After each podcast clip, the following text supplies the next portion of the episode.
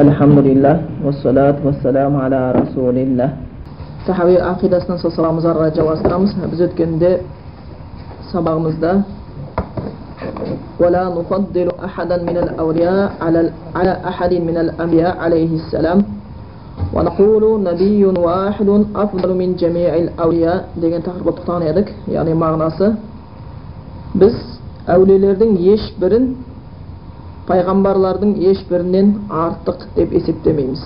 Артық қоймаймыз олардан. Абзал деп айтпаймыз.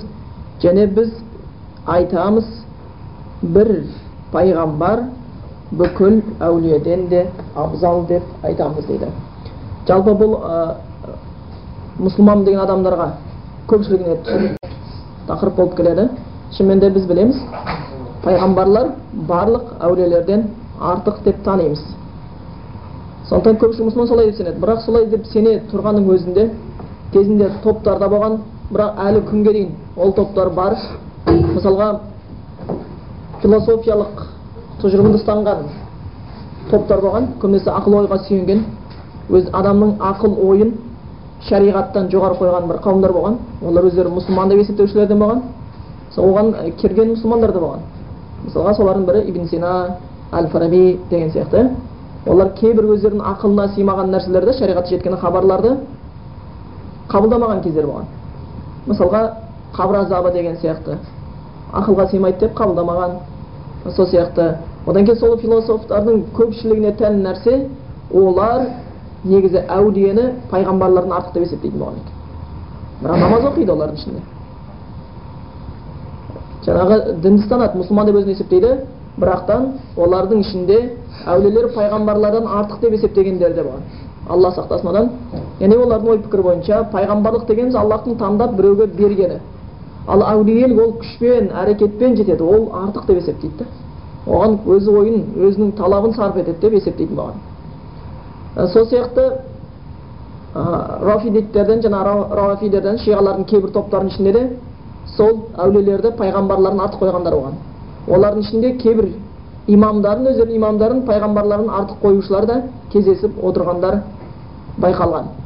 Одан кейін бәрінде демесек те солардың біршамасында әулиені пайғамбарлардан артық қою деген нәрсе көрініп тұрған. Олардың кейбірі оны ашық айтқан кейбіреулері ашық айтпаған кейбіреулері пайғамбар артық дейді бірақ әулиелер туралы пікірлері мен пайғамбар туралы пікірлерін салыстырғанда олар әулиелерді пайғамбардан да артық қылып жіберетін кездері кездесіп отырады. Бұл бәріне тән болмаса да олардың солардың ішінде сол сипатта енгендері болып келеді.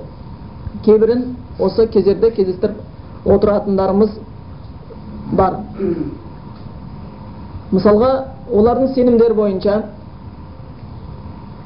сондай бір әулие кісілер бар. Олар сондай нұрлы болған құдай тағала жүздеріне нұр берген. Сол нұр күшті болғаны соншалықты егер оның жүзіне бір адам қарайтын болса нұрына шыдай алмай өліп қалады екен. Сол үшін олар беттерін жауып жүреді екен деп есептейтіндер де болған. Егер бұлай дейтін болатын болса пайғамбарымыз саллаллаху да нұр болды. Пайғамбарымыз ең келбетті кісі аллах тағала енді нұрландырған кісі еді. Бірақ пайғамбарымыз саллаллаху алдында сахабалар да сахабалар емес сахабалар емес пайғамбарымызға дұшпандық көрсеткен мушриктер де абу жахил сияқты басқа сияқты кісілер жүрді бірақ ешқайсысы ол нұрдан өліп қалған жоқ еді. Бірақ бұл жақта жүреді бір әулиенің нұрынан басқалар көрсе өліп қалатын дәрежеге жеткізеді. Осындай бір нәрселер береді. Пайғамбарымыз саллаллаху алейхи аятында мен сендерге зиян да туралыққа да жеткізуге ие емеспін. Ондай нәрсеге менің иелігім жоқ деп айтса олар кейбір әулиелерге жаңағы олар пайда зиян бере алады деп өлгеннен кейін де оларға сиынуға болады деген ұғымда тұрады сөйтіп олар осы сенімнің салдарынан әулиелерді пайғамбарлардан жоғары қойып жатқандарын білмейді. Ал әхлі сүнна уа жамааттың ақидасы бойынша ол сенім дұрыс болып есептелмейді екен. Және олардың ішінде өздері сол жаңағы сопылық кей ағымдарда жалпы әулиелер топқа бөлінеді оларда. Құтып деп қояды ақтоп деген ғаус дегендер бар ғаус дегені ең жоғарғы әулиелік дәрежеге жеткендер деп есептелінеді бұлар әлемге үкім жүргізіп отырады дейді бүкіл жер бетіндегі болып жатқан нәрсенің хабардар болып отырады дейді сондықтан білуші деген сияқты кейбір рызық беруші жаратушы деген аллахқа тән сипаттар оларға тән етіп қояды олар жер бетіндегі бүкіл нәрседен хабардар болып жатады одан кейін құтыптар дейді ғауыстан кейін афтаптар олар бар олар жаңағы жер бетінде төртеу олар сол ғауыстың бұйрығымен жұмыс істейді. Жаңағы құтыптар афтаптар олар әлемнің төрт бөлігін де өздерінің билігін жүргізеді. Біреу оң жағы сол жағы солтүстігі оңтүстігі дейміз шығысы батысы сол әлемнің төрт жағында бұлар иелік етеді. Сол төрт жақтағы болып жатқан үкімдерден хабардар болады дейді. Одан кейін абдалдар деп бөледі. Бұлар жетеу деп есептейді жеті құрлық бар әрбір құрлықта бұлар иелік етеді деп есептейді олардың ұғымдары бойынша өздерінің сол ақидасы бойынша егер оларға біреу ұстаздар қол тапсырған болса бұлар оларға қол тапсырған болатын болса олар өздерінің өзіне қол тапсырған бүкіл шәкірттерінен хабардар болып отырады деп есептейді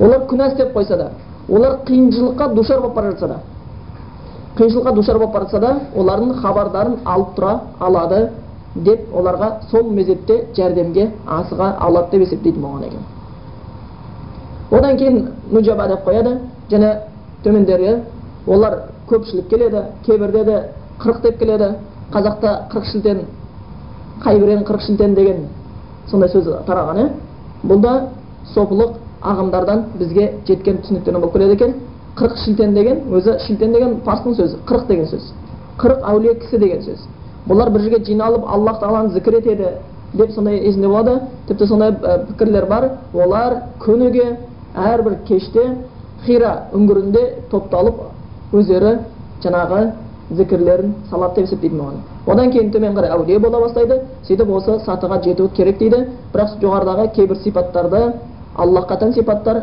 сол әулиелерге берілуінің салдарынан кейбіреулер оны пайғамбардан жоғары қойып жатқандарын да білмеуі ықтимал болады екен сондықтан жалпы әхлі сүнна жамааттың ақидасы бойынша біз ешбір әулиені пайғамбарлардан жоғары деп есептемейміз және бір пайғамбар барша әулиеден артық болып есептелінеді барша әулиеден артық болып есептелінеді екен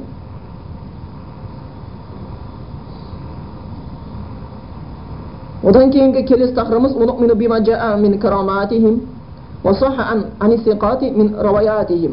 енді әулиелер ол әулиелерге де әулиелердегі болатын кереметтерге сенеміз дейді әхлі сунна уал жамаат бойынша әулиелерде болатын кереметтерге сенеміз және ол біздерге сенімді кісілерден сенімді жолдармен жеткен риwаяттарды біз қабылдаймыз дейді олар жайында яғни бұл керемет аллахтың бір құрметтеуіне байланысты жалпы фихул акбар абу ханифаның ақида кітабында келеді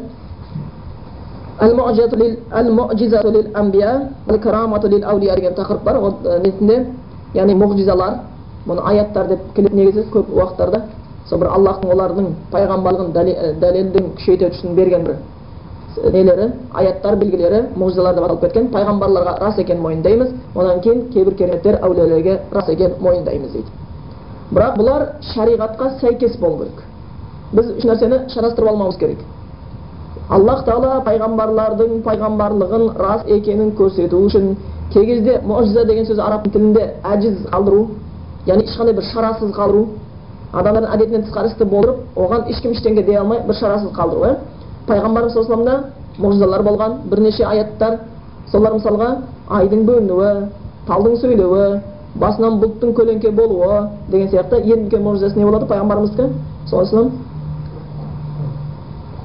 құран болады пайғамбарымыз соның ең үлкен мұғжизасы бұл құран қияметке күнге дейін өз үкімін жүргізіп тұратын кітап болып келеді сондықтан осы белгілер болған ә, және ілгергі пайғамбарлар болған ибраһим алейхисаламның отқа күймей қалуы мұғжиза мұжиза дегеніміз сондай бір адамдардың әдетінен тысқарынан тыс бір адамды таңғалдырған істің болуы мысалға ибраһим алейхисалам отқа лақтырылған кезде аллах тағала оны бір қашып кету қашып кету арқылы құтқарып қалса болатын еді яки болмаса бір қатты нөсерлі жаңбыр жауғызып отты өшіріп құтқарса болатын еді бірақ аллах тағала оларға соны отқа тастатып от жалын болып жанып жатты. Бірақ ибраһим алейхисалам үшін ол от салқын да сәлеметті тыныш болып отырған еді күйдірмеді соны басқалар әжіз қалдырды бірақ сол көріп тұрған топтардың ішінде бір ғана адам иман келтірген дейді бір риwayat бойынша ол лут алейхисалам дейді сонда көбінесе осы мұғжиза кереметтің мен дінге шақырудан гөрі мына дінде тура тұру арқылы истиқама деген бар шариғатты дұрыс орындау арқылы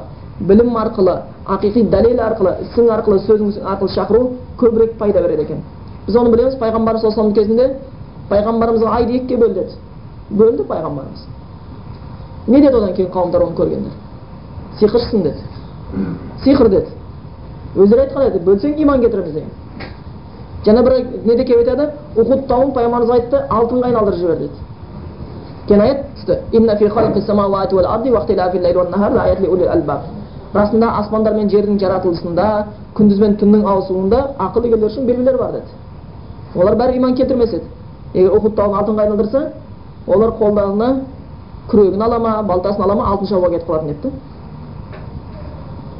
Айдың бөлінгенін көріп тұрып иман келтірмей сиқыр дегеннен кейін әлбетте ол нәрсеге де иман келтірмес еді сонда бұл пайғамбарларға тән мұғжизалар болады екен ол да оның пайғамбарлықтарына дәлел болатын нәрсе одан кейін жаңағы кейбір құдайдың сүйікті құлдарына оларды біз әулие деп танып кеттік па бірақ біздерде әулие деген кезде міндетті түрде бір қате ұғым бар әулие деген кезде біздің ойымызға бір керемет көрсететін адам елестейді бірден әулие десе солай естиміз егер біреуде бір керемет болмаса ол әулие деп есептелінбейді біздер ұғымынша бұл қате әулиенің ең нақты сипаты бірінші ол керемет көрсету көрсетпеуінде емес әулиеліктің нағыз белгісі құран аятында келген бойынша инна әулия аллахи ла хауфун алейхим хум деп құран аятында келеді біліңдер расында аллахтың сондай бір әулие құлдары бар оларға қауіп пен уайым болмайды дейді оларға қауіп жоқ олар уайымдамайды деп келеді. Және олар сипаттайды олар кімдер дейді? Әлләдина олар сондайлар. Аману шынайы иман келтіргендер. Дұрыс иман келтіргендер. Аллахқа періштелеріне кітаптарына пайғамбарларына ақы тағдырдың жақсы жамандығына соның бәріне дұрыс иман келтіргендер. Уакану яттақун және тақуалық жасағандар. Тақуалық дегеніміз жалпы аллах тағаланың істе деген нәрсесін бұйырған нәрсесін нақты атқарып тыйыл деген нәрсесінен тыйылу. Яғни аллахтың әмірін орындау арқылы өзіңді дозақтан қорғау деп те түсіндіреді. Күнә істерден тыйылу шариғатты нақты орындау құдайдан қорқу деп те аударып жатады. Қандай жасырын да жария да істеген істеріңде құдайдан қорқу деп есептеген екен. Сондықтан әулие дегеніміз кім құдайға шын иман келтірсе кітап пен сүннетте келген бойынша және сол иман келтірген нәрсесіне амал жасаса тақуалықпенен сол әулие болады ол міндетті түрде аспанға ұшуы суда жүзуі жердің астына түсуі тауды көтеріп кетуі талды тамырымен жұлып тастауы меккеге барып барып келуі ол нәрселер міндетті болмайды сондықтан осы жаңағы кімде кім шынайы иман болатын болса кімде кімде кімде шынайы тақуалық болатын болса онда ол аллахтың әулие құлдарынан болып келе береді екен. Сол үшін жаңағы саади тәпсір аударған имам саади өзінің сөзінің өзінің жаңа кітабында айтып кеткен түсіндірмесіне ман кана муминан тақиян лиллахи тағала валиян дейді. Кім шынайы иман келтірген болса кім тақуа болатын болса міне сол адам құдайдың әулие досы деген екен дейді. Сондықтан осы неде келеді? Бірақ солай деп айтып жатқанымыз кезінде біз әхлі сүнна уал жамаат бойынша караматтарды мойындайтын қауымдармыз. Жоққа шығарушылар емеспіз. Жоққа шығарушылар ешбір имамдар бұл караматтарды жоққа шығарған емес. Абу ханифа болсын біздің өзіміз өтіп жатқан қазір бұл тахабет ақидасы болатын болсын тіпті кей кезде артынан жала да жабылып айтылып жатырады. Мұхаммад ибн абдул вахаб ол әулиелердің кереметтерін жоққа шығарыпты деп есептейді екен дейді.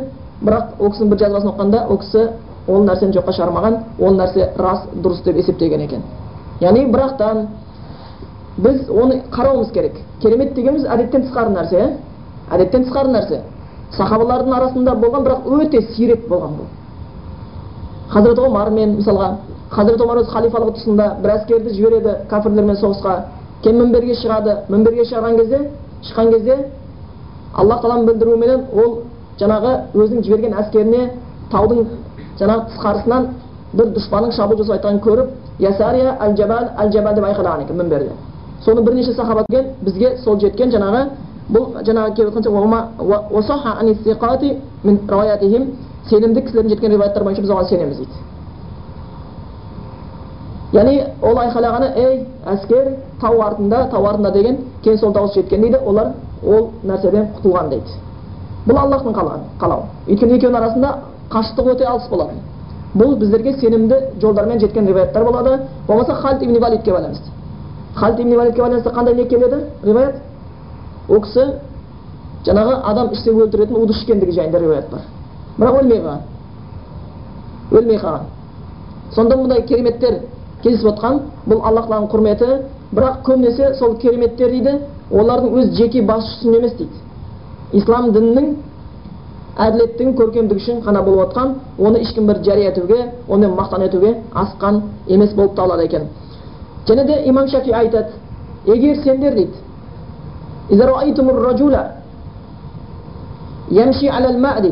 егер сендер бір кісіні көрсеңдер дейді судың бетінде жүріп бара жатқан дейді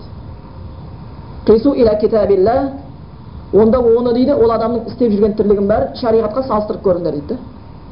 Егер оның ұстанып жүрген тірлігі құран мен сүннетке сәйкес болатын болса бұл керемет. Егер оған сәйкес болмаса бұл не? Бұл дажжалдық бұл біздің қазіргі тілмен айтқан кезде гипноздық болып келеді екен. Өйткені қазіргі кезде біз білеміз иә гипноз әдісіменен көп адамдар адамды қойып қойып елдің көзінше аралап басын екіге бөліп аралап жаңағы денесін екіге бөліп сол сияқты көптеген гипноз нәрселер істеп жатады. Жаңағы елдің көзін бір адамды ұйықтатып қойып қайтып тұрғызып өлең айтқызып тақпақтар айтқызып есеп шығартып сол сияқты гипноз нәрсемен айналысып жатқан нәрсе бар. Сондықтан біз нәрсені және білуіміз керек. Пайғамбарларға жаңа мұғжиза деп есептеу бар екен ғалымдар айту бойынша. Ал кейбір аллахтың сүйікті құлдарына карамат деген нәрсе бар екен. Және де истидраж деп қояды. Кейбір аллахтың дұшпандары үшін берілетін кейбір сондай сипаттар бар екен. Олар караматтың қатарына кіріп қалмайды. Сондықтан егер біз бір адамнан бір істі көрсек адамның ақылынан тысқары болған бір таң қалдыратын істі біз ол адамның жүріс тұрысын шариғатқа салыстыруымыз керек.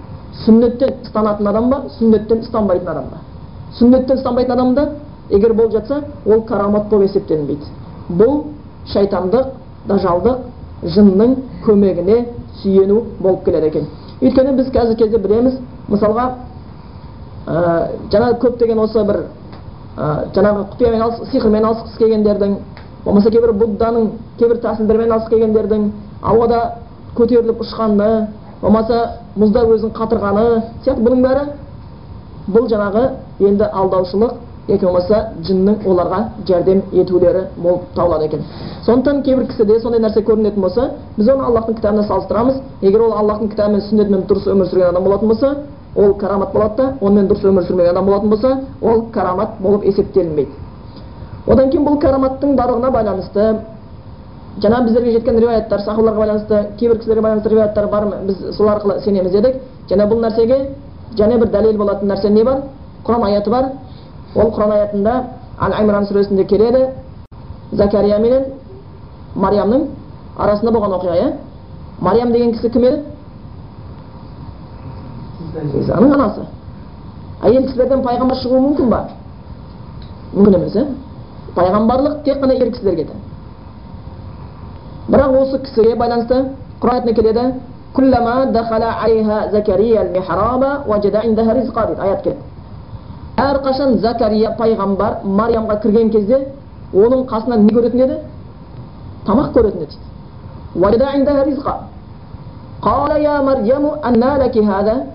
кейін закария таң қалатын дейді оған ешкім тамақ келмейтін дейді ондай тамақты кейбір риуаят бойынша қыстың күні барса жаздың тағамдары жаздың барса қыстың тағамдары тұратын еді дейді мариямыз анамыз өте сондай тақуа болған құдайдан қорыққан кісі болған. Ол кісінің анасының өзі тақуа кісі болған еді құдайға құлшылығын арнаған еді. Пайғамбар закария пайғамбардың тәрбиесін көрген қыз болатын. Сол закария пайғамбар ол өзі ғана баратын еді. Оның өйткені панасында болған қыз еді. Оның құлшылық ететін орнына барса ол жерден оның бір тағам көретін еді рызық көретін еді. Кейін закария қайдан қалды сұрады? Я мариям ей мариям саған бұл қайдан келген? Қайдан бұл келді сонда мариям құран аяты бойынша келеді қалат сонда мариям айтты бұл аллах тарапынан деп айтты бұл аллах тарапынан деп айтты сол сияқты оқиға осындай рызықтан аллахтың рызықтандыруы ғайыптан хубейб деген сахабамен де болған дейді оны мүшриктер байлап тастаған кезде аллах тағала жүзіммен тойдырып қойған еді дейді сол сияқты риwаяттар бар сондықтан бұл құран аяты бойынша әулиелерге керемет тән дейді бірақ біздің кезіміздегі кереметтер шариғаттан тысқары болып кеткен нәрсе. Одан кейін осы жерде қатты бір түсінетін нәрсе керек. Қатты бір білуге біздерге міндетті болған нәрсенің бірі оны абу али деген кісі журжани деген үлкен ғалым кісі айтады. Күн ла сен әрқашан дейді бар әрекетіңді шариғатпен тура жүруге сал дейді. Бір кереметке жетуге салма дейді өйткені шариғатта бір керемет нәрсеге ие болайын судың бетімен жүрейін ауада ұшайын сүннетімді мына жақта оқиын парызымды ана жақта оқиын деген нәрсеге жету ешкімнің мұсылманның мақсаты болмау керек аллах қалаған кезде оның қалаған құлын өзінің сүйікті құлын құрметтеуі мүмкін бірақ бұл мақсат емес дейді сол үшін абу али әл журжани деген кісі айтады сен әрқашан истиқамаға үшін бар күшін сал дейді истиқама дегеніміз құран мен сүннетпен тура жүруге бар күшін сал дейді бір керемет көрсетуге күшіңді салма дейді өйткені ол кісі айтады өйткені адамның нәпсісі дейді бір керемет көрсеткенді әрқашан қалап тұрады дейді ал раббыңның сенен қалайтыны оның жіберген шариғатымен тура жүруің дейді раббың сенен керемет көрсетуді қаламайды дейді раббың қалаған құлын кереметпен құрметтеуі мүмкін бірақ сенен кереметті талап етпейді талап етпейді сондықтан мұсылманның мақсаты не болу керек? Құран мен сүннетпен дұрыс жүруге бар әрекетін салу керек. Бірақ өйстіп отырып біз қазіргі кезде кейбір сопылық ағымдарда кейбір мұсылмандарда сол бір кереметке жету үшін күш салатын сол кереметке жетемін деп сүннеттен айнып кеткендерді де көреміз. Ілімді екінші орынға қоя салады тіпті сондай пікірге келгендері бар кімде керемет болмаса ол тура жолда жүрген жоқ. Ол адам тура жолда жүрген жоқ деп есептейтін болған екен. Өйткені біз білеміз сахабалардың көбісі ондай кереметсіз ақ шариғатпен тура жүрумен өтіп кеткен еді. Абу ханифаның жақсы сөзі бар ал истиқамату кераматун дейді. Дінмен тура жүру, жүру білу дейді. Бұл нағыз керемет сол дейді. Ең күшті нәрсе сол дейді. Аспанға ұшқанда емес суда жүзгенде емес мықты болса құран сүннетпен өмір сүріп көр. Бидағат десе бәрі күш табады. Сүннет десе бәрі сені қосып алады да. Не дейсің мираж кеші болатын болыпты рәжаптың қаншасы деп жатыр еді жиырма жетісі ма маған звондайды біз мешітке бардық жүз рәкағат намаз оқимыз деп айтты дейді бүгін мираж кешіне сөйтіп оқып оқып ақырына жете алмай үйіне қайтып келіпті бір кісі звондап жатыр осындай нәрсе бола ма осындай бір жүз намазы мен таң қалдым тарауықта да жиырма рәкағат намаз оқимын жүз рәкағат намаз шарған бидаат үшін күшті алады сол бір нәрсеге жету үшін сол бір жаңағы шариғатта жоқ нәрселер болмайтын әшейінде аллахтың разылығы үшін тұру қиын бірақ керемет көрсетесің әулие боласың десе түннің ортасында тұрып сол нәрселерге жетуге талпынатындар болып келеді екен. Бұл дұрыс емес. Сондықтан мұсылманның талабы қайтсем құран мен сүннетпен дұрыс жүремін деп талыптану болу керек болып табылады екен. Одан кейін аллах тағала құрметі ешкім бір керемет деген нәрсе қолында тұрған өзінің пайдасы үшін асыратын нәрсе емес.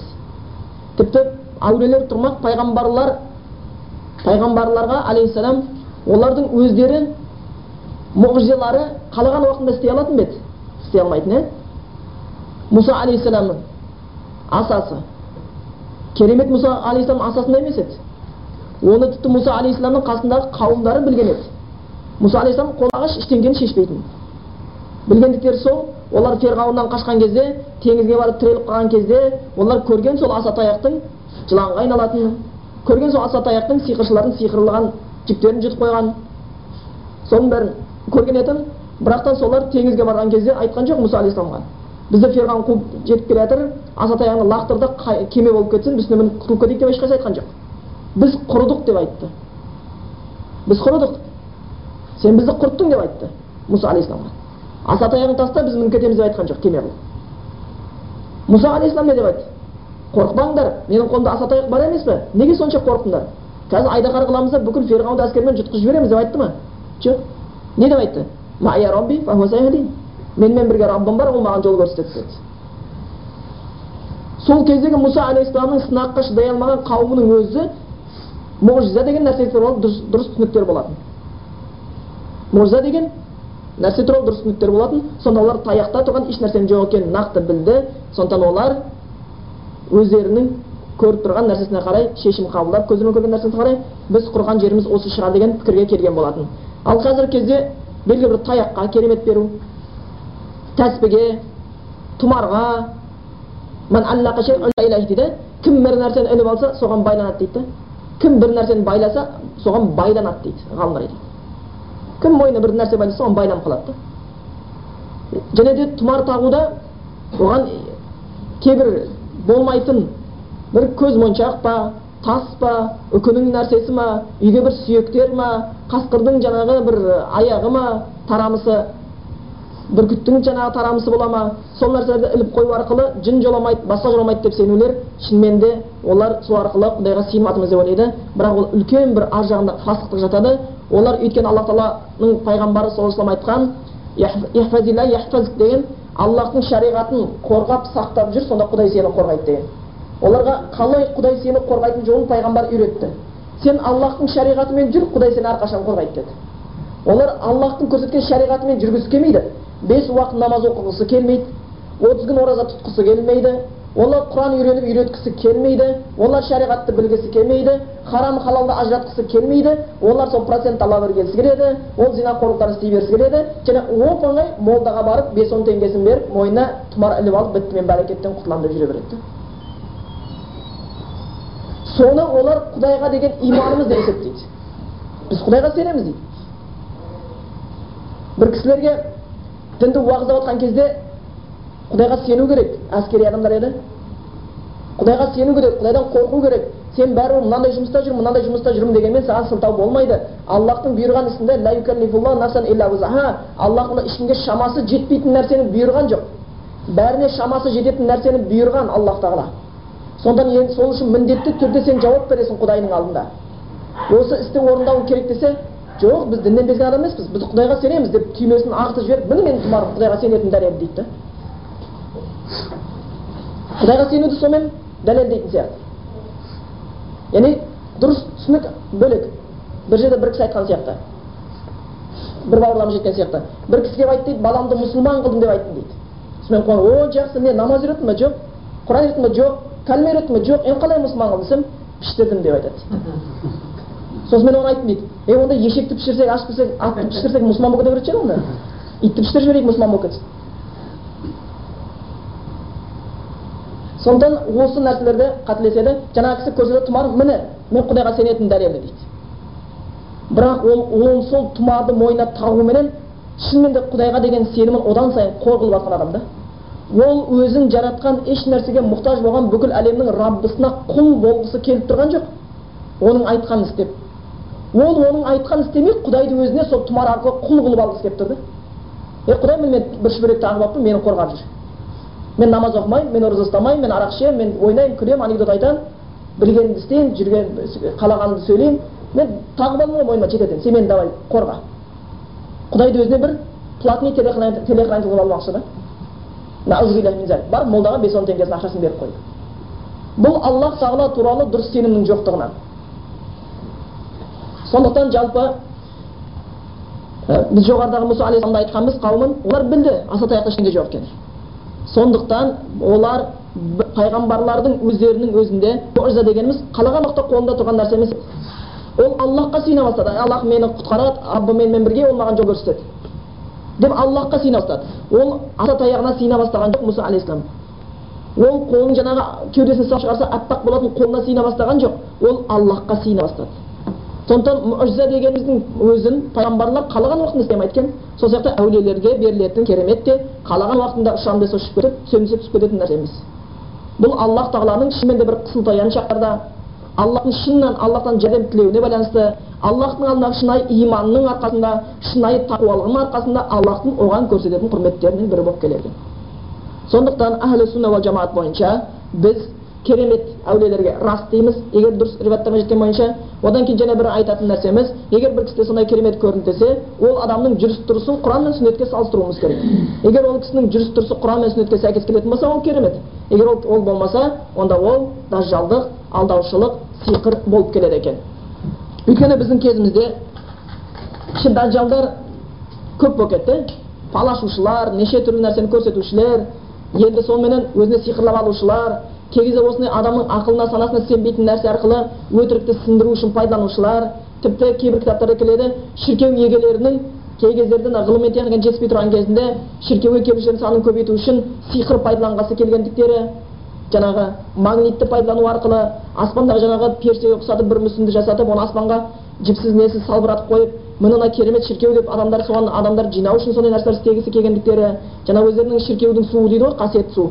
оны сол жаңағы дәмін бұзбау үшін ішіне басқа бір қоспалар қосу арқылы сақтап міне керемет деп көрсетіп елді жинау үшін істеген сиқырлары болып жатқан. Сол сияқты қазіргі кезде де сондай бір нәрселерді енді алдауға шақырушылар болады. Ертең сол бір біз білеміз бұл нәрселер жаңағындай адамның ақылына сыймайтын нәрселерді сонымен аллахтың дұшпандары да істей береді мысалға даджал даджал не істейтін еді? Өлтіреді тірілтеді. Фирғаунда да болған. Аллахтың дұшпаны ғой. Ол артынан мін жүретін еді. Мін маған артынан ереді емес пе деп қауымға айтатын құран аятында келеді. Сондай істері болған еді. Сондықтан бұл аллахтың дұшпандарына бола кездесе беруі мүмкін. Егер ол шариғатпен дұрыс жүрмеген болса аллахтың әмірін орындамайтын болса онда оны истидраж дейді. Былай айтқанда аллах тағаланың оларға өздерінің қажетіне жету үшін берген бір мүмкіндіктері ертең қияметте азаптарын қатты арттыру үшін дейді. Өйткені ферғауын дейді кейбір риwayat бойынша төрт жыл өмір сүрген дейді ойлап қараңыздар. Сондай бір өмір сүрген аллах оған азабын күшейту үшін дейді қияметте. Сол төрт жыл өмірінде дейді бір қиындық бермепті тісін ауыртпапты аяғын ақсатпапты және оның асханасында дейді бір рет ыдыс сынып көрмепті да төрт жылда ойлап көріңіздер. Төрт күнде бір пиала сындырамыз дұрыс па? Төрт жыл өмір сүріп оның бір ыдыс таяқ сынып көрмепті асханасында. Сондай нығметте өмір сүрген екен. Бірақ ол аллахтың дұшпаны. Кәпір күйінде өмір сүрді кәпір күйінде өліп кетті. Сонда ол мәселелер мұсылман еместерде де кездесуі мүмкін бірақ оны жыннан болмаса аллах тағаланың оларды сынауы қияметте азабын күшейту үшін берген сынағы болып есептелінеді екен.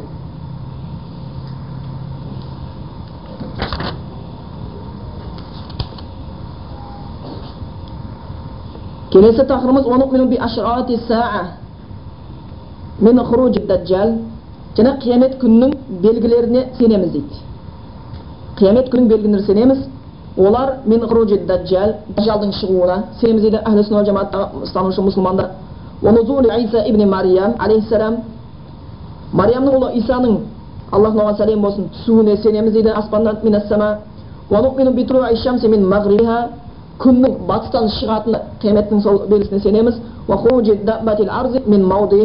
Және де жерде бір хайуанның өзінің шығатын болған шығатынына біз сенеміз деп келеді екен бұл қияметтің белгілеріне жалпы сенеміз деген соның ішінде белгілер біраз айтып өтті дажалға байланысты ә, мариямның ұлы исаға байланысты алейхисалам және де сол күннің батыстан шығуына байланысты жерден бір шығатын хайуанның адамдарға тіл қатып сөйлейтін шығатын бір хайуанның болатынына байланысты біз оларға сенеміз дейді оларға байланысты аяттар хадистер бар осылардың болатындығы жайына бұл негізі бұл аталып кеткендер бұл қияметтің үлкен белгілеріне кіреді. Жалпы қияметтің белгілері өз алдына бөлінеді. Қияметтің үлкен белгілері қияметтің кіші белгілері деп бөлінеді. Одан кейін сол белгілер және бөлінеді. Болып кеткендері болатындары болып және жалғаса беретіндер. Ондай белгілер де болады. екен сондықтан осы бұл жерде үлкен белгілерін айтып өткен. Сонымен қатар бұның қатарында кіші белгілер де бар қияметке байланысты болып өтетін. Оның көбісін бізде қазіргі уақытта көріп те жатырмыз. Шынымен бұл ақиқи болатын нәрсенің қияметтің күннің бір жақындағанының белгісін көрсетіп кетеді екен. Сондықтан сол қияметтің осы үлкен белгілерін айтардың алдында кіші белгілерін бір кішігірім айтып өтсек болады екен.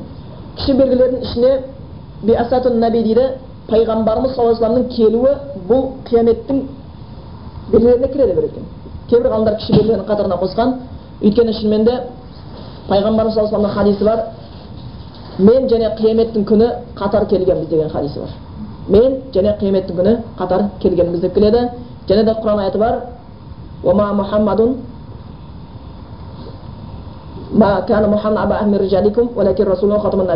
пайғамбар мұхаммед саллаллаху алейhi ешкімнің әкесі болған жоқ бірақ ол пайғамбарлардың соңы елшілердің соңы деп келетін аят бар яғни бұдан кейін пайғамбар келмейді ол деген сөз яғни ақыр заманның келгендігін білдіреді екен пайғамбарымыз саллаллаху алейхи вассалам соңғы пайғамбар бұдан кейін пайғамбар келмеуінің өзі ақыр заманның келгендігін білдіреді оның үстіне пайғамбар өзінің хадисін айтып кеттік мен және қиямет екеуміз қатар келгенбіз деп келеді одан кейін пайғамбарымыз қайтыс болудың өзі сол қияметтің жақындағанын көрсетеді одан кейін ә, пайғамбарымыздың жеткен кейбір хадистер бойынша мына байтул мақдис деп жаңағы құдыс мешіт жаңағы сол мұсылмандардың қолына өтеді деген хадис болған. Ол хазірет омардың тұсында өткен еді. Одан кейін бір сондай оба ауруы тарайды деген оны да болып өтті дейді көп ғалымдар. Сондай бір ауру келеді. Сенде жаңағы ә, бір қойға келетін ауру бар. Сол қырылатын сол сияқты бәрін қырыласыңдар дейді. Сол ол да хазірет омардың тұсында болған дейді. Бұл оба ауруы одан 25 мың мұсылман кісінің өзі өлген да мұсылмандардың өзінен 25 мың мұсылман өліп кеткен обада. Ойлаңыз әжептәуір сан болып келеді екен. Одан кейін бір уақыттарда мұсылмандардың қолында мал мүліктің көбеюі жағдайларының жақсаруы ол да болып өтті дейді. Және де болатыны бар дейді. Ол иса алейхисаламның кезінде бұл нәрсенің мал мүліктің көбеюі. Өйткені кезінде білеміз хазірет омардың кезінде көптеген жаңағы мұсылмандардың қол астына көптеген мемлекеттің кірулерінің арқасында жаңағы мұсылмандар көптеген билігін жүргеннің арқасында көптеген мемлекеттер мұсылманға еліне кіріп мұсылмандарға бағынып мұсылмандардың жағдайы жақсарған болатын. Тіпті сол кездерде шынымен де садақа беретін адамды табу да қиындыққа соққан кезеңдерде болған болып келетін. Одан кейін фитналардың шығуына байланысты пайғамбарымыз хадистер бар етін көптеген фитналар айтып кеткен. Олар да болып өтті және болып та жатыр. Ол нәрселер ол фитналар сол фитналардың біз білеміз. Әуелгі сол осман алейхисаламның өлтіруінен бастап кейін сол хауариждердің шығуы тағы басқа одан кейін муддаин нубуа дейді пайғамбарлықты.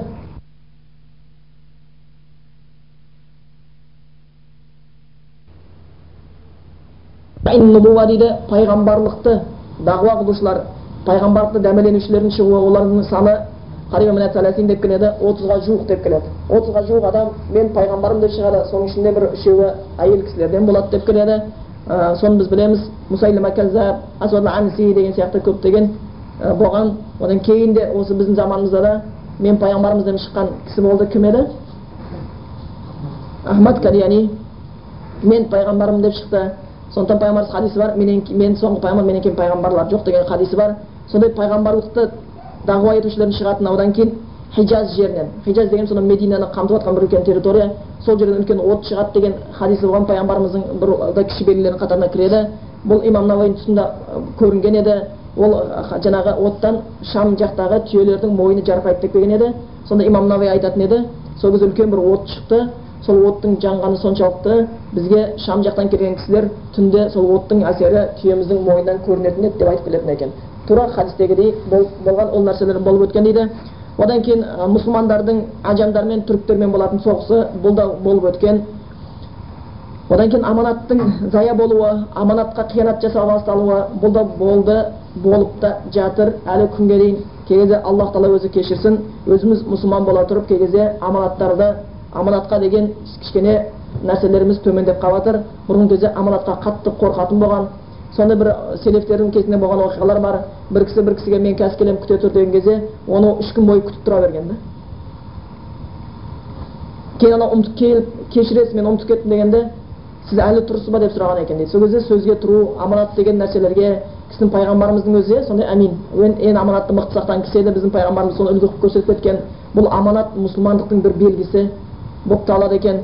Мұнафиқтың бір белгісі аманатқа қиянат қылу деген нәрсе болады екен. Аманат дегеніміз ол мал мүліктен болсын ол алған ілімнен болсын ол айтқан сөзден болсын ол жеткізетін сөзіміз болсын ол ісіміз болсын оның бәрінде аманат деген нәрселер бар екен. Ол нәрсе болды және болып та жатыр. Аллах тағала баршамызды кешірсін. Одан кейін қабдул ілм дейді және кіші белгілерінен ол ілімнің азаюы. Қазір шынымен де сондай уақыттар келді. Біздер қанша уақыттарымыз өтіп жатыр мысалға бұрынғы кездерде он жасында құранды жаттап алып қоятын еді. Қазір жүзге келіп те құран жаттай алмай жататын кездер бар. Ешқандай уақыт болмайтын сияқты болып тұрады. Әйтеуір бүкіл тіршілік бәрі сол бізге қарап тұрғандай болып қалады. Ешқандай бір уақытымыз бөлінбейді. Хадис жаттауда да құран жаттауда да ол жайында белгісіз. Қазір шынымен бір сұрақтар болып қалады. Кей кезде біле алмай бір бірімізге звондап кетеміз. Ақыры жауабы табылмай да жатады. Оның бәрі ілімнің азайғандығынан. Көптеген мұсылмандар дінді ұстайды.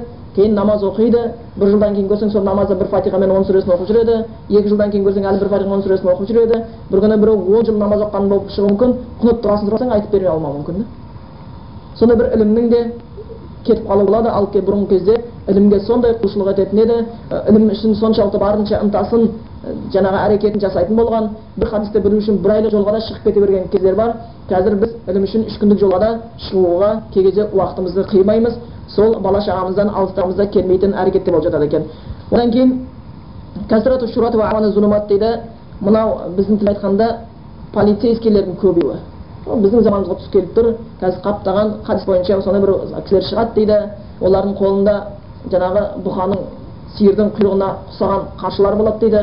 Соныменен дейді адамдарды сабап азаптайтын болады. Олар азанда да аллахтың қарғысына бөленіп таң атырады дейді. Кешке аллахтың қарғысымен кеш батыратын адамдар болып келеді дейді. Олардың сол жаңағы жамандыққа жәрдем етушілер болады дейді. Олар мұсылмандарға көп жәрдем жаңағы зиян берушілерден болады дейді. Сол қолында қамшы ұстаған жаңағы полицейскийлер оны қазір шынымен де қазір көріп жатырмыз. Әрбір мұсылманға келіп шүйлігіп жатады. Кейбір хадистер бойынша сондай адамдардың жәрдемшілерінен сырластарынан болып қалудан сақтаныңдар деген хадистерде келіп жеткен. Одан кейін зинақорлықтың тарап кетуі интишару зина дейді. Ол да бір белгілерден басталған да басталып кетті жалғасып та келе жатыр. Қазір шынымен қарап тұрсақ алла сақтасын. Алла сақтасын дейсің. Қазір зинақорлықтың өскен дәрежесі зинақорлық үшін қаншалықты зина деп құран аятында келген еді. Зинақорлықты істемей тұрмай жақындамаңдар деген аяттар бар еді. Қазір зинақорлықтан қашамын деген адамның өзі қазір құтылу үшін көз зинасынан қашып құтыла алмай жатыр. Қазір келе жатып алдыңнан көзіңді шетке бұрсаң шетінде де жаңағы кіндік ашылып кетіп бара жатыр мына қарасаң саны ашылып кетіп бара мына қарасаң кеудесі ашылып кетіп былай қарасаң бөксесі ашылып кетіп бара қарайтын жер жоқ төменге қарасаң реклама тұр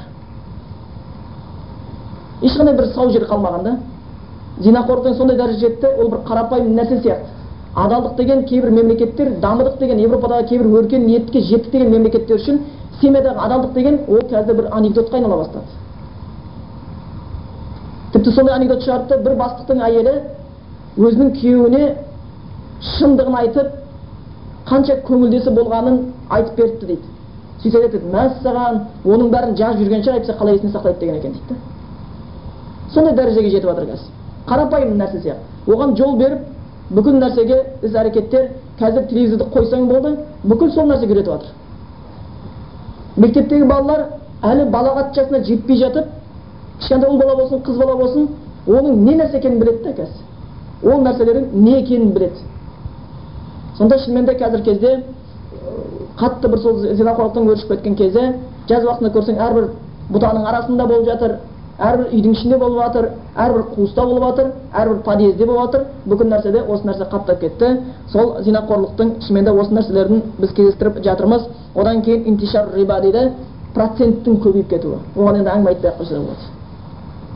Бұған жолықпаған бұған соқтықыспаған бұған қиындыққа бұны көрмеген бұның жан жағынан қаптап жатқанын көрмей жатқан мұсылман жоқ. Проценттің көбейіп кетуі. Бұл нағыз зұлымдық негізі қанша адамдар бар? Қанша болса ипотеканы аламыз деп соны қарыздан қарызға батып құл болып кетіп жатыр да ақша үшін. Құл қылып жіберіп жатыр. Сол ипотека деген үйдің бағалары көтеріліп кетіп жатыр. Процент деген нәрсе шықты одан кейін сол құтыла алмайды. Одан кейін жүреді соның құтылу үшін әрбір не үшін. Сол әйтеуір өзіне оңай сияқты көрінеді. Бірақ ол әлбетте ешкім айтып жатқан ақшасы жоқ тегін беріп қоймайды. Сол ақшаның ішінен ақша тудыру бұл процент деп есептелінеді. Оны жайында әңгіме айтпай қойса да болады. Оны күнделікті көріп жатырмыз. Одан кейін зухурул маазиф дейді. Музыкалық аспаптардың көбеюі. Бұны да әңгіме қылмай ақ қойсақ та болады. Қазір бұдан құлақты тыныш алып кететін жер жоқ. Қазір музыкадан құлақты тыныш алып кететін жеріңіз жоқ. Радионы қойып қалыңыз таксиге мініп қалыңыз үйде отырыңыз үйіңізде тегі телевизор қоймай ақ қойыңыз магнитофон қоймай ақ қойыңыз радио қоймай ақ қойыңыз бірақ көршіңіздің дауысы астынан үстінен ұрған кезде қабырғаңыз дірілдеп жатады қабырға дірілдеп жатады сондай дәрежеге жетті. Одан кейін шүрбіл хамыр арақтың ішуі. Мүмкін біздерде кішкене ойбай арақсыз тойып өтіп жатыр кішкене азайып жатыр деп ойлайтын шығармыз. Бірақ шынымен салыстырмалы түрде қарасақ европа елдерінде арақ деген бір қарапайым судан көп ішілетін нәрсе болып кеткен да азанда тұрған кезде ұйқысын ашқан кезде соны бір екі ұрттап жібереді да сонымен кеш батырады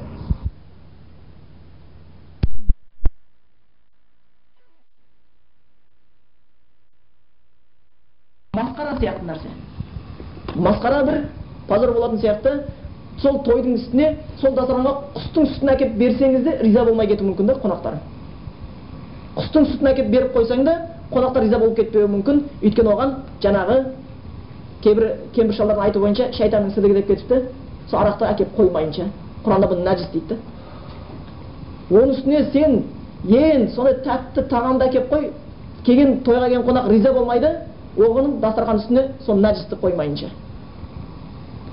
одан кейінгісі зухруфатул масаджид дейді мешіттердің безендірілуі негізі бұл да қияметтің белгілерінен болған хадис бар хазірет омар тұсында мешітті қызылмен сарымен бояудың өзіне тыйым салады екен. Елдер құлшылық ғибадатынан алаңдап қалады деп. Өйткені мешіттің ішіне кіріп келген адам құлшылық ниетіменен құлшылық сондай бір талпынысыменен кіру керек екен. Оның ішіндегі атмосфера оның құлшылық етуіне одан сайын көмек ететіндей болу керек екен. Оның ішіне кіріп келген кезде музей аралағандай болып кетпеу керек екен.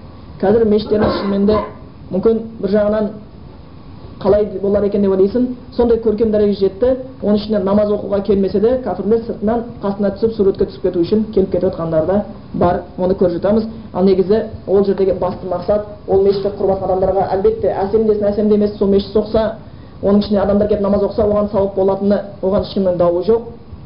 Бірақ сол мешіттердің әсемделуі адамдардың кей кезде мұсылмандардың басқаша нәрсеге құлшылық ғибадатындағы кішкене құлшыныстарын ықыластарын төмендетіп түсіріп қоюына әкеліп соқтырып жатқанын біз көреміз.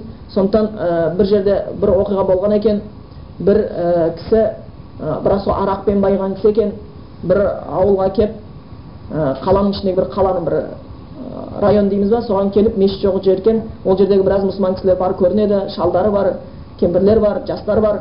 Бір көрші микро районға барып намаз оқиды екен. Сонда бір кісі келіп айтты жаңа жерде мына жерде бос жер бар екен. Мен сендерге осы жерден мешіт соғып беремін сендер алысқа сандалмаулар үшін деп жаңағы бір кісі елдің бәрін жинап айтқан екен дейді. Бірақ өзі намаз оқымайды анда арақ ішеді арақ сатумен айналысады екен. Сонда елдің бәріне айтып айтып міне осындай мешіт соғып беремін сандалмайсың осы жерден намаз оқитын болыңдар ешкімнен бір тиын керегі жоқ өз күшімен соғамын сол үшін сендерді жинап жатырмын соған бата қылыңдар тілек айтыңдар депті. Сөйтсе бір арасынан бір кісі шығып тұрып айтады дейді. Ей сен бізге мешіт соқпай ақ қойшы депті. Сен өзің намаз оқышы депті. Бізге қазір тастан гөрі адам қымбат болып тұр деген екен депті. Мына мешіттің тасынан гөрі адам қымбат болып тұр бір мұсылман қымбат болып тұр деген екен сондықтан шынымен де мешіт керек мұсылман бар болса бірақ мұсылман болмаса мешіт құр музей болып қалады екен. Ол нәрселерге де қазір көріп жатырмыз. Одан кейін бунян дейді. Ұзын үйлерді соғуда жарысу дейді.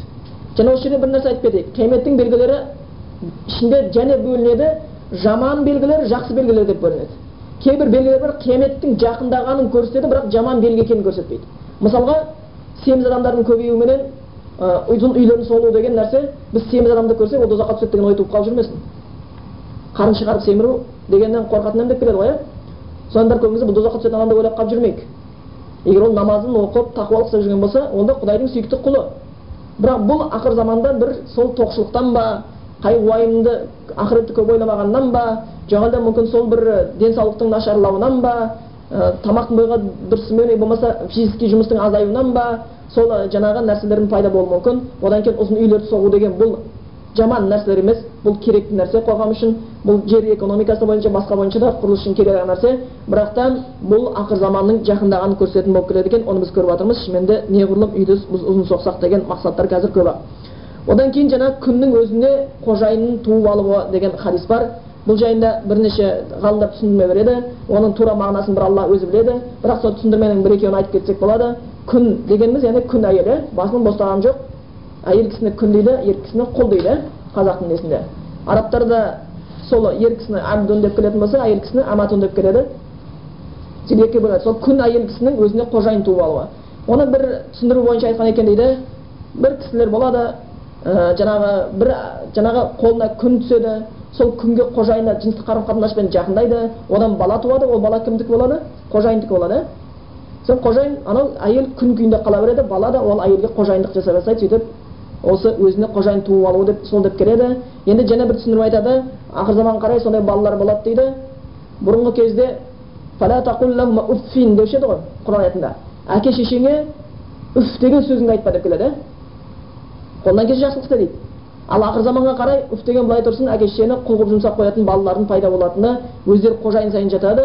Әке шешелері олар үшін азаннан кешке тырбандап жұмыс істейді. Соларға үстіне бар жұмыс әрекеттері бүкіл түскен әжімдері бүкіл тозған табандары соның бәрі балам киінсе екен балам жесе деп береді екен. Бірақ сол баласы киіп ішіп жейді да ертең әке шешесін ешқандай жақсы істемей кетіп қала береді екен. Сол бір қожайындық сияқты өз шешесін әке шешесін күнге құлға айналдырып жіберетіндер шығу деп келеді. Егер ондай болатын болса оны біз қазір көріп жатқанымыз рас. Аллах сақтасын. Одан кейін өлімнің көбеюі дейді. Өлімнің көбеюінде бір хадис бойынша келеді пайғамбарымыз сондай өлімдер болады дейді. Сахабалар біздің кезімізде болады ғой өлім дейді да кәпірлермен соғысамыз өлтіреді өлтіреміз деп келеді сол айтады жоқ дейді. Ол кезде сондай бір өлімдер болады дейді. Өлген адам не үшін өлгенін білмейді өлтірген адам не үшін өлтіргенін білмейтін өлімдер болады дейді сондай бір өлімдер болады дейді. Шынымен де оны қазір көріп жатырмыз доспыз деп жүреді бір арақтан кейін ақ бірін бірін ұрып өлтіріп қояды білмейді ертең не үшін өлтіргенін одан кейін тақару заман замандардың уақыттардың жақындап кетуі ол да болып жатқан нәрсе шынымен уақыттың бір берекеттің кетуі шынымен қарап отыратын болсақ кешегі өткен ғалымдар селефтен өткен сол кезде бір мынандай свет жоқ еді ол кезде бір көлік жоқ еді ол кезде телеграф деген жоқ еді сотовый деген жоқ еді бір сұрақ туса барып звондап сұрай салатындай. Ешбір ондай нәрсе бір жағдайлар жоқ еді. Барған жерде бір гостиница жоқ еді барып жатып алып оқи беретіндей. Сол даланы қыдырып жүріп далада түнеп жүр сол ғалымдар. Қолдарында мынандай бір шарик ручка деген жоқ еді кез жер сата беретін парақ дегеніміз ондай қаптап жатқан жоқ еді.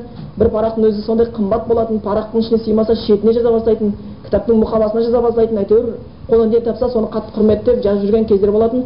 Сөйтіп жүрген ғалымдар парақты жолға тапса да қолдарында сия сауыт ұстайтын болса да жаңағы шишаның ішіне сия құяды да қаламды батырып жазады.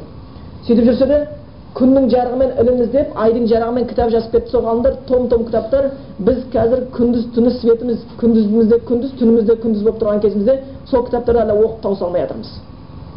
Береке қалмаған. Біз басқа кітаптар емес том том кей кезде сол ұстасақ қолымызға оп оңай көтеріп жүретін құранды жаттауға да кей кезде уақыт таба алмай жатамыз. Өйткені уақыттың шынымен де берекеті кетіп қалған сияқты. Аллах тағала баршамызды әйтеуір ізгілікке бағыттасын. Асуақ одан кейін кіші белгілердің қатарына және бір кіретін белгілер дейді базарлардың бір біріне жақындап кетуі.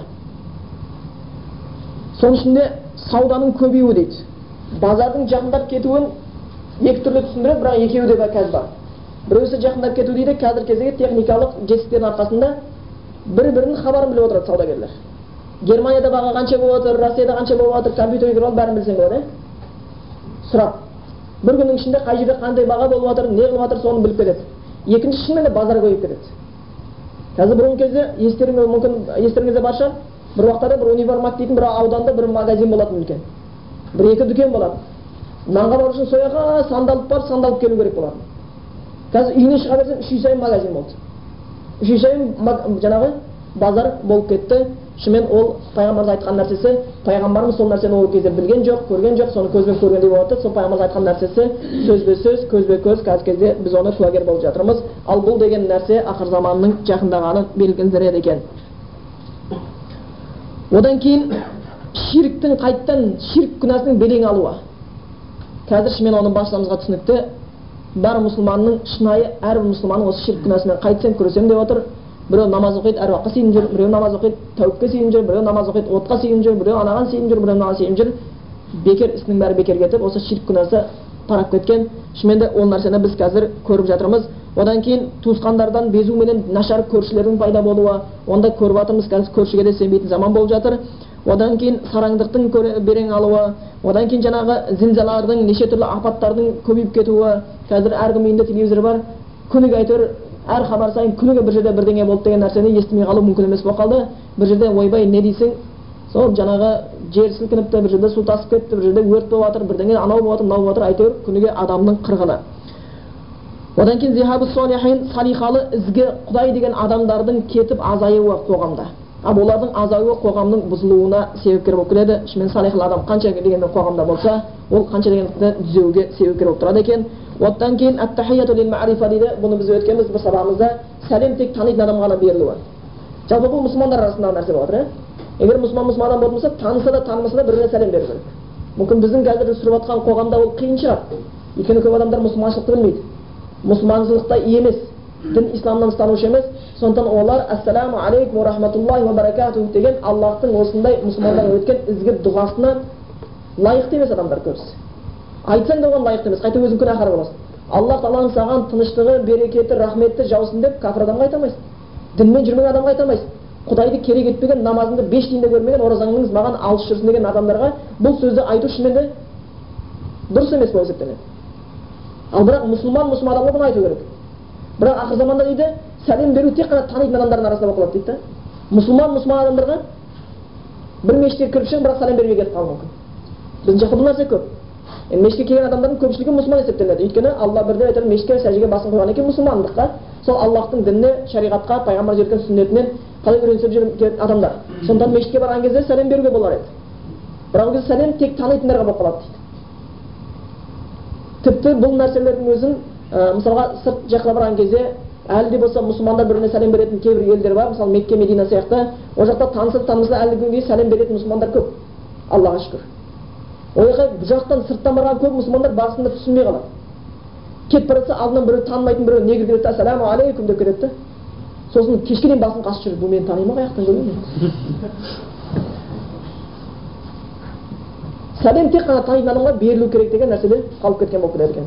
Сондықтан сәлем тек қана танитын адамға берілетін бола бастаған кезде бұл да ақыр заманның белгісінің бірі болып табылады екен одан кейін киінген жалаңаштардың шығуы алла сақтасын бұны айта берсең жаның түршіге береді енді айта берудің де қажеті жоқ сияқты осындай нәрселер көбейіп жатыр бірақ бір өкінетін нәрсе сол киінетін киінген кәсиятын ариятын дейді осы хадис келген кезде оларға тозаққа түсіргенде оларға азап болатын жайында хадистер бар да сонда қазір қарап тұрсақ пайғамбар саллаллаху әйел кісілерді дозақтан көп көремін деген рас деп ойлайсың да.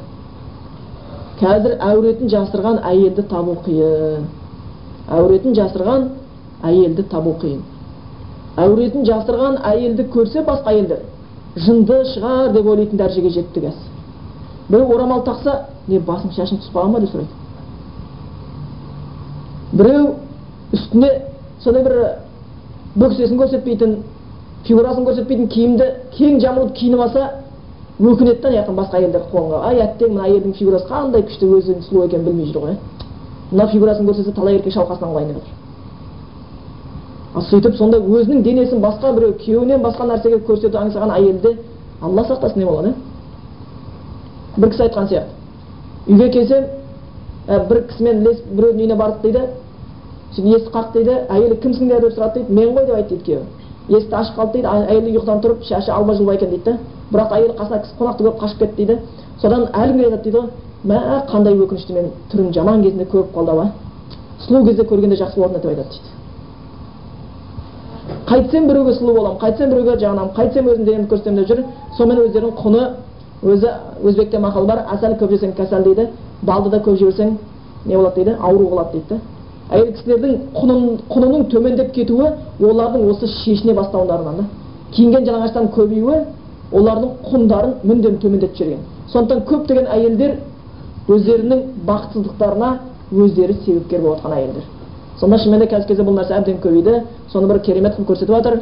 Қазір базарға барсаң әйелдің әуретін жабатын жай бір киімді тауып көру деген ол ең қиын нәрсе да. Бір жапырақ мата бағасы аспанмен аспанға шырқап тұрады. Одан кейін дейді қияметтің кіші белгілерінің және біреусі мұсылмандардың көрген түстері рас бола бастайды дейді. Кім шын мұсылман болса түс көрген түстері рас бола бастайды екен орындала бастайды. Нақты түсінде көрген нәрседей бола бастайды. Мүмкін көптеген мұсылман бауырларымыз бұны байқайтын шығар. Одан кейін шахадат зұр өтірік куәлік беру деген болады. Өтірік куәлік беру деген қазіргі кезде көбейіп кеткен шынымен аллах сақтасын бір кісілер айтады пойызда келе жатсақ үйде отыр еді дейді үйіміздің есік алдынан жер үй болатын тротуар өтетін дейді тротуар өтетін еді дейді сонымен інім дейді есік алдында скамейка бар сода отырған еді дейді отырса бір екі жігіт өтіп бара жатыр екен ініме келіп тиіскен екен дейді інім сөйлесіп оның бір тісі бар еді дейді сол қымбат металдан салынған мына тісің жақсы екен ғой сенікі ма менікі сенікі емес енді менікі деп айтты дейді екі жігіт әйтеуір тиісу керек қой темекі сұраған сияқты сонымен інім жас мектепті жаңадан бітірген еді дейді ана екі жігіт жастары ұлғайған жігіт екен дейді ініме тиісіп қойыпты ініміз ұра бастады дейді інімді інім сосын жаңағы қорқып әке енді папа папа деп шақырды дейді жүгіріп шықса баласын екі жігіт ұрып жатыр екен дейді сосын бұл жүгіріп барып араласа бұл әкесін де жабылып ұрыпты жаңағы екі жігіт спортсмен жігіт екен да сонымен дейді біз жүгіріп шықтық дейді жаңағы әкесі мен жүгіріп шықтым қарындасым жүгіріп шықты шешем жүгіріп шықты дейді. Бәріміз жабылып салады дейді екі жігіт. Дейді екеуі күшті екен дейді. Менің шашымнан тартып жүрген кезде төбе шашым түсіп қалыпты дейді. Қарындасымды теуіп бір жаққа ұшырып жіберді дейді. Сонымен қырғын болды дейді сөйтіп жатқан кезде кейін милиция шақырды ол жігіттерді ұстады.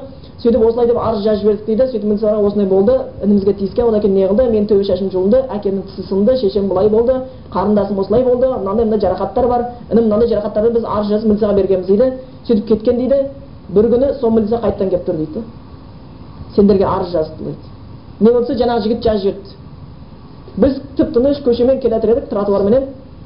Балалар ішіп алған ба үйлерінен жүгіріп шықса бірінен соң бірі жүгіріп шығып бас шап бізді ұра бастады. Сондықтан қорғану мақсатында оларды ұруға тура келді деп жазып жіберіпті өзіміз бәлеге қалдық дейді.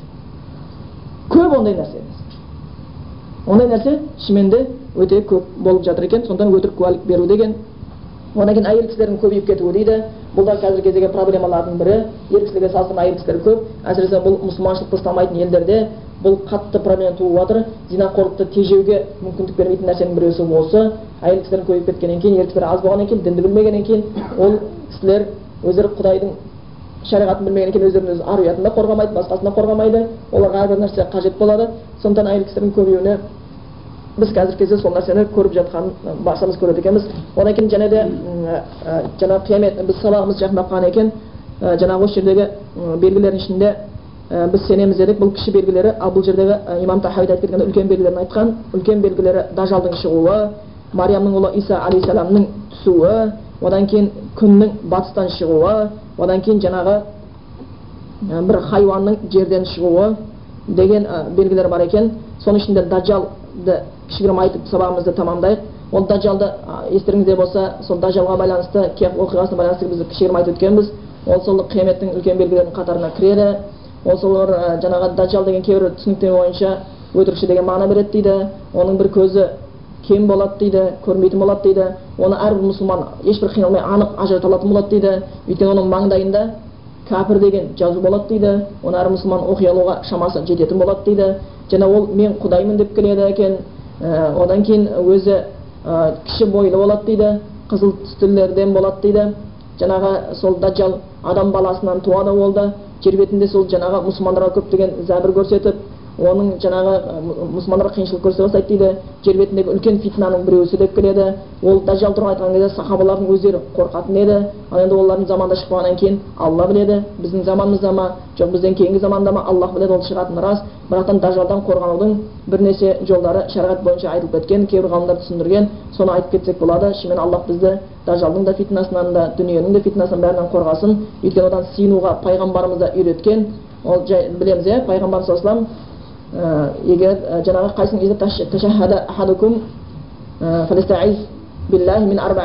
кімде кім ташахуд оқитын болса ташахуд аттахият иә намаздағы аттахиятты оқып болғаннан кейін кімде кім жаңағы осы нені оқыған болатын болса төрт нәрседен аллах мені сақтасын деп аллаға сиынсын дейді соны қалай келетін еді мен адаби жаттағандарыңыз бар ма аллахума инни аузу бика мин адаби жаханнам мені жаһаннамның азабынан сақта уамин азабин қадір қабір азабынан сақта деп сыйынып одан кейін мен фитнати махия мамат өмір мен өлімнің жаңағы осы өмір менен тіршіліктің фитнасынан бүлігінен мені қорғай көр деп сыйын дейді одан кейін мен шәрри фитнати масиад одан кейін осы даджалдың фитнасының жамандығынан мені қорғай көр деп сыйыныңдар деп пайғамбарымыз саллаллаху бұйырған сонда әрбір намаздың соңында осыны айтып жүруіміз керек екен ол бір керек нәрсе одан кейін осы дажалдан қорғанудың біреусі бір жолы тамассуку ислам деп келеді бидиниллахи деп келеді аллахтың дінінен мықты ұстану құран мен сүннеттен дұрыс жүре білу соны дұрыс үйрене білу сол құран мен сүннетті неғұрлым дұрыс түсіне бастасаң арасудан барынша сақ боласың өйткені бір замандар келеді дейді алла сақтасын пайғамбар айтқан саған біреу келеді мұсылманмын деп сөйтіп саған дін үйреткісі келеді бірақ ол сені адастырушы дейді да сөйтіп сол өтірікпен шындық араласып кеткен замандар болады дейді. Сондықтан бір діннен мықты ұстау құран мен сүннетке барынша көңіл бөлу соған сәйкес нәрсені істеп сәйкес келмеген нәрседен барынша сақтану қажеттілігі. Екінші бір нәрсе пайғамбарымыз саллаллаху бізге үйретіп кеткені сол намаздан кейін жаңағы дұғаны айту. Аллах тағала мені жаңағы дажалдың фитнасының жамандығынан қорғасын деп намаздан кейін сыйынып жүру. Бұны өзіміз де ә, бала шағамызға да үйретейік сол нәрседен сыйынып жүруді. Ә, одан кейін және де бір несі бар? Тағы да жолы қандай еді? Естеріңізде бар ма? Қай сүрені жаттаса? Каф сүресінен он аят иә бір хадис бойынша мен ауали суратил каф деп келеді каф сүресінің аяты мен ауали суратил каф каф сүресінің әуелінен он аят жаттаса деп келеді бір риwаятта соңынан он аят жаттаса деп келеді сол кім оны жаттап алған болатын болса ол осима мен фитнати даджал дажалдың фитнасынан қорғанады деген біздерге нелер бар екен бұл ол жаңағы сол дажалдың фитнасын қолғанудың үшінші бір жолы және бір төртінші жолын айтып кеткен екен дейді бірақ ол әркімнің мүмкіндігінде болуы мүмкін болмауы мүмкін бірақ оны да біле жүргеніміз жақсы ол төртінші жолы хадис бар даджал екі қалаға кіре алмайды дейді қайсы қала мекке мен мединаға кіре алмайды дейді да даджал көрініс берген уақытта мүмкін болса сол жаққа кету дейді өйткені баяғы қалған жерлерде осы шынымен де жаңағы тура нәрсені үйретемін деп бұрыс нәрсеге шағып ұршылар да болады деп келеді екен. Сондықтан даджал демей қазір сәл бір қателескен ағымдардың өздері қарапайым білімі аз мұсылмандарды еріп келе жатқанын көріп жатырмыз. Сол деп келеді екен. Сондықтан әркім осыны жама шамасы келген нәрсені істеу керек. Жаңағы діннен бекем ұстау намаздың соңында дажалдың фитнасынан жамандығынан сақтасын деп аллахқа сыйыну екінші қорғану түрі. Үшіншісі кәп сүресінің әуелінен соңынан он аят жаттау. Арабша біліп үйренбеген болса біліп үйренуге тырысайық. Білгендеріміз болса осыны жаттап алуға тырысайық.